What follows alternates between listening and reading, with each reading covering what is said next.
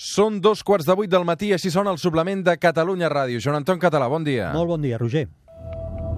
3, 2, 1, seganya!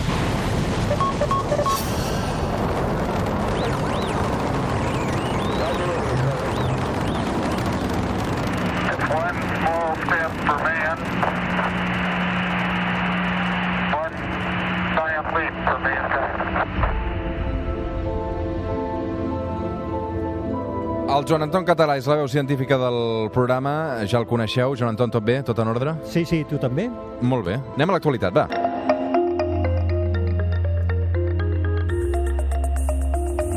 El cel també ens porta un munt de qüestions d'actualitat. De fet, aquesta setmana hem de parlar de la sonda New Horizons. Arriba a, a un objecte del cinturó de... A veure, a veure, això explica-m'ho tu, perquè si ho he d'explicar jo, amb, amb, amb... Mira, aquí ens hi fa... es prendrem mal. Val, de, de moment expliquem eh, antecedents. No? New Horizons és una, una sonda de la NASA que és la que va explorar Plutó l'any 2015, que Ah. ens va enviar unes fotografies de Plutó que ningú se les esperava i vam descobrir la tira de coses. Un cop va passar per Plutó, no en sabíem què fer d'ella. Vull dir que té molts més anys de vida, porta combustible de sobre i tal. I llavors la NASA va dir, va pensar extendre-li la missió i van decidir a la seva òrbita localitzar algun altre objecte del cinturó de Kuiper, que és aquesta zona gran extensa on també orbita Plutó, localitzar-ne algun i aprofitar, eh, ja que hi passem, doncs anem a observar-lo. Llavors van començar a cercar, el telescopi Hubble va acabar cercant, trobant un objecte d'una mida més o menys uns 45 quilòmetres de gran i aquest és l'objecte al qual es dirigeix eh, la sonda. Eh? Per tant, eh, bueno, és una missió xula, va passar per eh, Plutó i ara passarà per un objecte molt, molt, desconegut, molt allunyat del Sol, on vés a saber què hi trobarem. Tot això és un misteri que descobrirem. Eh, correcte, el descobrirem molt, molt, uh, molt aviat, perquè en uns mesos, uh, fin començaments de l'any que ve, començarem a tenir dades. De fet, ara ja el té visible. Aquesta sonda ja, després d'hivernar durant molt de temps, ja té a tiro, diguem, ja té visible aquest objecte. Per tant, és qüestió de mesos. Tot això pel que fa a l'actualitat, amb resposta inclosa, el que encara no té resposta i som a l'any 2018, és l'origen de l'univers i com va aparèixer, de fet, la vida a la Terra. Life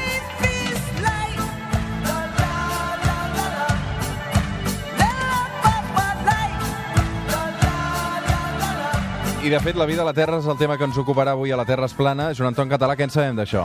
A veure, en sabem poquet, jo t'haig de reconèixer que en sabem poc. Creiem saber algunes coses, que ara n'anirem parlant, però la qüestió fonamental, que és com es fabrica la vida, dèiem, com va aparèixer, aquesta encara no l'hem resolt i pot ser que triem molt en poder-la resoldre. A veure, què vol dir que, que, que és poc temps? Si la Terra es va formar fa uns 4.500 milions d'anys, són 800 milions d'anys de diferència, en aquest cas? Sí, mira, uh, de fet, la Terra uh, té això, té uns 4.500 milions d'anys de vida. Els registres que tenim a les roques, que ens indicarien en quin moment va començar la vida, ens portarien a un inici de fa uns 3.700 milions d'anys, que ara et faré una precisió. Si fem els càlculs, com tu deies, són només 800 milions d'anys entre que la Terra es va formar i que tenim registres o indicis de que va aparèixer la vida. Això que a la gent li pot semblar una passada, no? Oh, 800 milions d'anys, en termes geològics o astronòmics encara més, no és res. És molt poquet. Pensem que la Terra, quan es va formar, era un infern. Ens imaginem la Terra com està ara... No té res a veure, no? Res, milers de graus de temperatura, fosa, sense escorça, no hi havia atmosfera, no hi havia aigua, és a dir, per tant, eh, és relativament poc temps.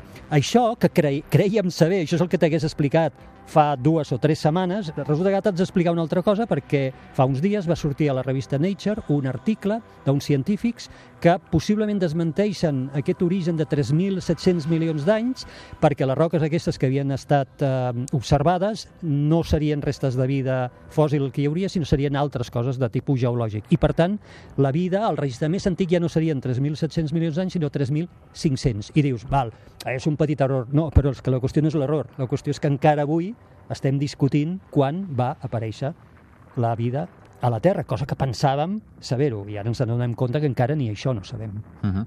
Um, tampoc sabem com es podrà descobrir aquest quan, no? No, La manera com... Bueno, eh, si anem afinant, si anem afinant, tenim mètodes, per exemple, per anar afinant eh, a la, els vestigis a les roques. Per exemple, hi ha un mètode molt conegut. La gent sempre pensa que tot es basa en trobar fòssils. No, no sempre, a vegades no descobrim microorganismes o la resta de microorganismes, sinó que ho fem per vies indirectes. Hi ha un mètode que es diu el del carbó 12, carbó 13, Això, igual com el carbó 14 ens sona a tots perquè és el mètode que els científics utilitzen per datar roques o objectes antics, eh, resulta que el carboni té diferents formes, que no anem isòtops, són com varietats, són com, com colors, no té res a veure amb el color, però per entendre, són com colors del carboni. El carboni 12 és el més habitual, és el que tenim més abundant a la natura i el que forma, per exemple, el nostre esquelet, les nostres cèl·lules, etc. Una varietat del carboni 12 és el carboni 13. És un component que apareix molt poc a la natura, però la proporció amb la amb la que apareix és perfecta, la sabem. Quant carboni 13 hi ha respecte a carboni 12? Doncs bé, resulta que la vida té preferència per incorporar dintre dels seus esquelets, dintre de les seves cèl·lules, el carboni 12, de forma que quan la vida es mor, la resta, els sediments de vida, són més rics en carboni 12 que en carboni 13, quan la resta de la natura aquesta proporció és fixa. Per tant, aquí ja tenim un mètode on no observem fòssils, però sí, mesurant la proporció carboni 12, carboni 13, podem deduir que hi havia vida. Avui amb el Joan Anton Català, la vida a la Terra.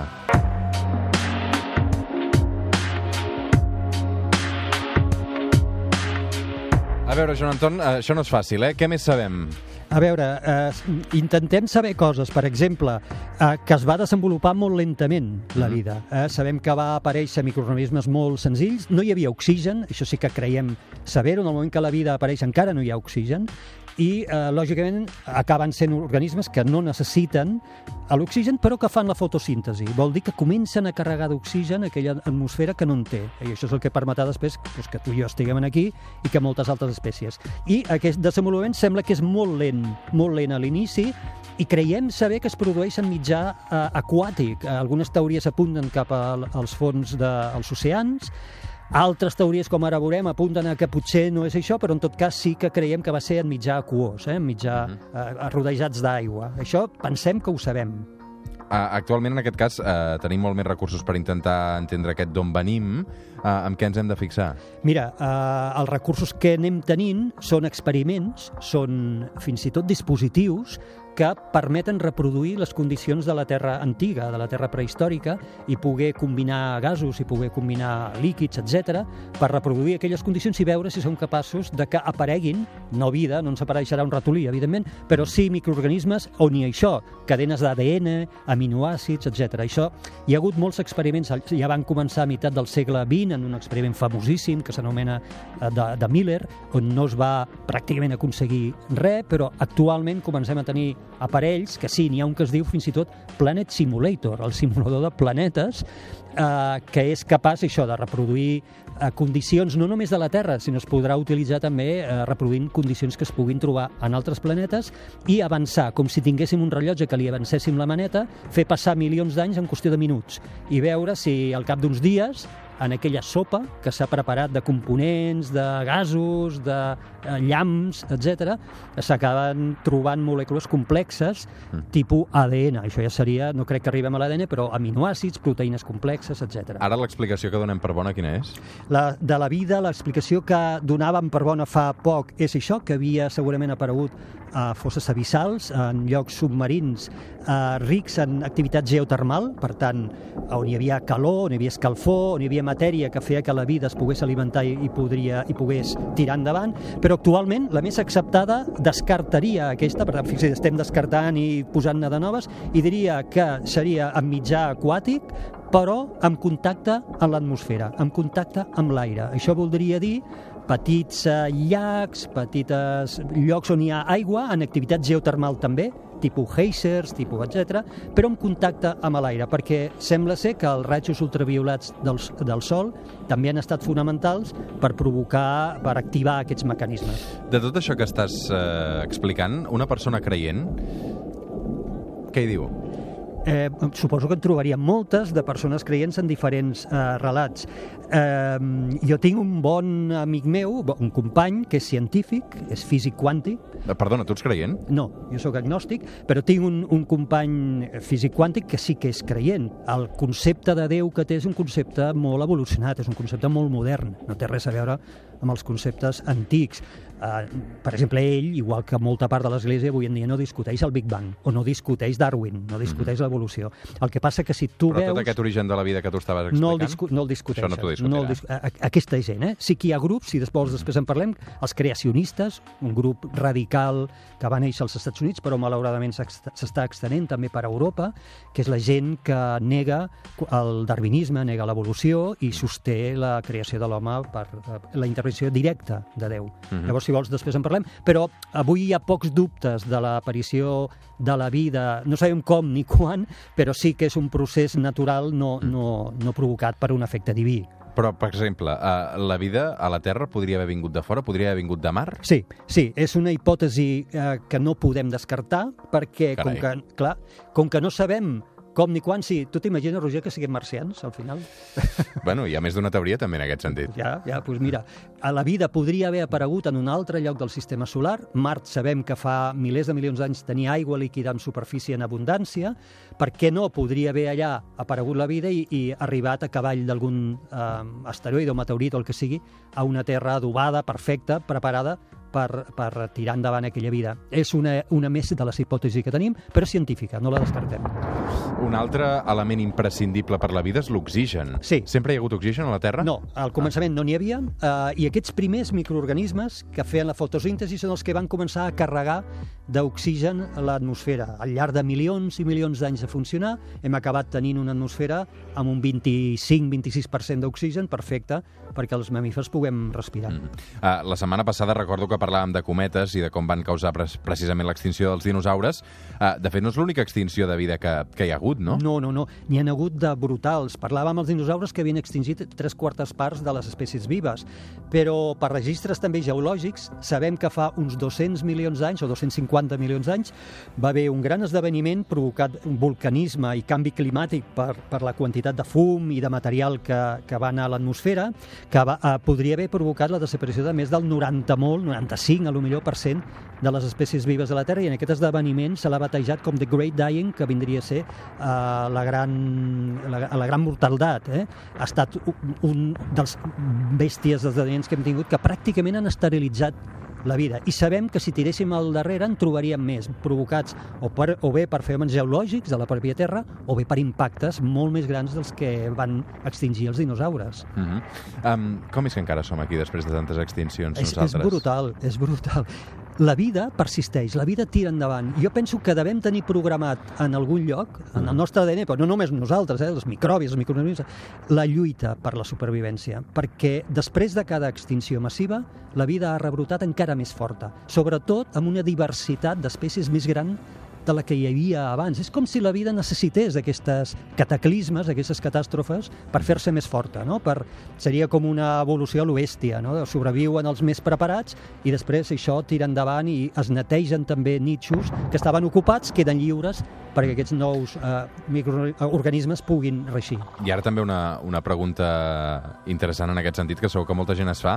Uh, els científics eh, poden tenir la vida al davant i no veure-la, com ha passat tantes vegades? És a dir, sabrem reconèixer la vida si, si, si la trobem o no? Gran pregunta, Roger, gran pregunta. No ho sabem, no estem segurs, no estem segurs. Fixa-t'hi, eh, si fos vida basada en el nostre model de vida, en carboni, aigua, ADN, mm. a lo millor sí que la podríem reconèixer. Però i si hi ha vida formes de vida que no es basen en l'aigua, Tot que no es és basen... molt filosòfic, eh? però sí, sí. Però podria ser, és a dir, Sí, sí. químicament, biològicament, podria ser.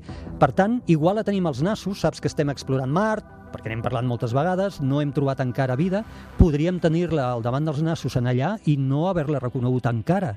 Bé perquè estés formada per components molt diferents al, al, als components de vida de la Terra i, per tant, no sabem com dissenyar experiments que ens demostrin aquella vida, perquè l'única cosa que sabríem és dissenyar experiments que demostrin la nostra vida, no? La vida basada en l'ADN, en el carboni, en l'aigua. És, és, és difícil. A vegades em pregunten, esteu descartant, per tant, eh, ja poder trobar altres formes de vida que siguin completament diferents? Jo sempre dic, no ho descartem, però amb els pocs recursos d'investigació de diners que tenim, fem bé en centrar, en focalitzar els nostres esforços en trobar l'única vida que pensem que podríem reconèixer, a lo millor, si la tinguéssim al davant, que seria la vida que existeix a la Terra, basada en l'ADN, en l'aigua i el carboni.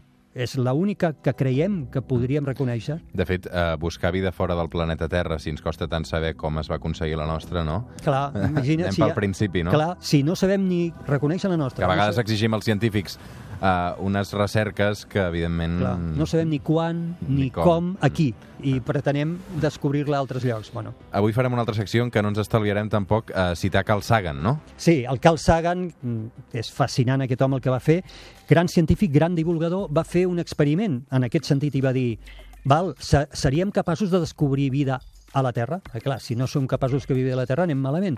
I llavors en una sonda que estava més allunyada que el planeta eh, Saturn, encara força a prop, va fer girar els instruments i analitzar la Terra, analitzar els gasos, la llum, que arribava del Sol, rebotada per la Terra, i veure quins gasos hi havia. I afortunadament van detectar signes de vida per la presència d'oxigen o d'altres gasos a l'atmo- a l'atmosfera de la Terra. Aquest seria la forma que tindríem de poder deduir, que no certificar, la possibilitat de que exoplanetes, altres planetes, tinguessin vida. Inquietant tot plegat, també la banda sonora uh, d'aquest espai a la Terra es plana avui amb el Joan Anton Català. Uh, Joan Anton, fa una estona em parlaves, eh, mencionaves el, el creacionisme, dius el gran enemic uh, per totes aquestes teories que anaves mencionant. Sí. Uh, Explicaven més coses. Mira, jo no en sabia gaire, només Ahà. sabia que existia, però vaig mirar-ho una mica, me'n vaig interessar i vaig entrar a diverses uh, webs d'organitzacions que, que defensen aquesta teoria i sobretot que donen arguments als seus seguidors perquè es puguin defensar contra la ciència. Mira, i et diré alguns dels arguments perquè vegis per on va la cosa. El primer argument és que la Bíblia és veritat absoluta i per tant el que diu la Bíblia és veritat i això ja no es pot discutir. La segona cosa que diuen és que el mètode que tenim els científics de calcular eh, antiguitats, aquest del carboni 14 amb què datem mòmies o roques, és incorrecte i que ells l'han verificat i poden demostrar pel eh, mètode del carboni 14 que la Terra té, atenció, 6.500 anys només de vida. 6.500. No, no milers de milions, sinó 6.500 anys de vida que quadra amb el que el Gènesi diu. Això la- l'altre argument.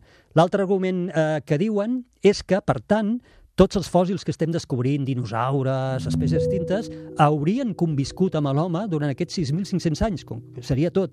I els hi quadra en un càlcul que han fet de quantes generacions de persones han, vi han viscut després d'Adam i Eva. I les han comptat, i els hi surt tantes generacions com perquè dongui 6.500 anys. I ja l'última és molt bona, És fascinant, eh? Sí, l'última, bueno, no sé si és l'última, però que se'm va semblar brutal. Diuen, i a veure, qui es creu l'evolució? Algú de nosaltres durant la seva vida ha vist un mico convertir-se en humà?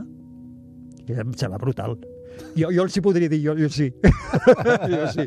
Però... Me n'han vingut uns quants al cap, ara. Sí. Va, Joan Anton, uh, per acabar, si aixequem el cap cap al cel, què hi veurem aquesta setmana? Mira, tenim eh, lluna nova, vol dir que la nit eh, serà fosca, si el temps ens ho permet. Recordes tu. que la setmana passada Més vaig dir... encara, Més que foscor. faltava ja. No, home, no, si és que és perfecte. Realment Tens pendent no hi ha de sortir ni una bona, mi. ni una bona notícia, tu. No, no, tens pendent de sortir nit, canviarà la perspectiva absolutament. Eh, nit fosca vol dir, si recorda la setmana passada, dèiem les Pleiades, aquella taqueta al cel que es podia localitzar, ara encara la veurem millor. Eh? Aquesta taqueta la seguirem veient tot el que queda de tardor i a l'hivern, nits fosques sense lluna, perfectes per veure eh, aquest fenomen.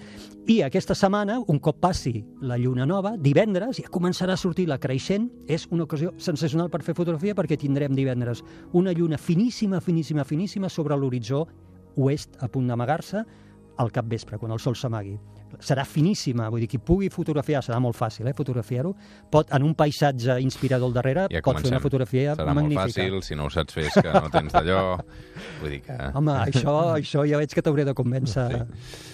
Joan Anton, moltes gràcies i molta sort. Gràcies a tu. En principi eh, no hem fet cap avançament, o sigui, m'ha explicat eh, el que sabíem de la vida, però... Ja veus que hi ha coses que no, creiem no, saber... no serem portada del Nature avui, no? No, jo crec que Avui nosaltres... tampoc, eh? jo, no, Mira que t'ho vaig demanar quan et vaig Sí, fitxar, eh? Dic, a veure si intento, algun eh? dia obrim el Nature, però no... Jo ho intento, però no me'n surto. Una abraçada ben forta, Joan Anton Igualment, Català. Fins ara. De seguida tornem aquí al suplement. Fins ara. Va, que avui en tenim ganes. I els altres dies també, eh?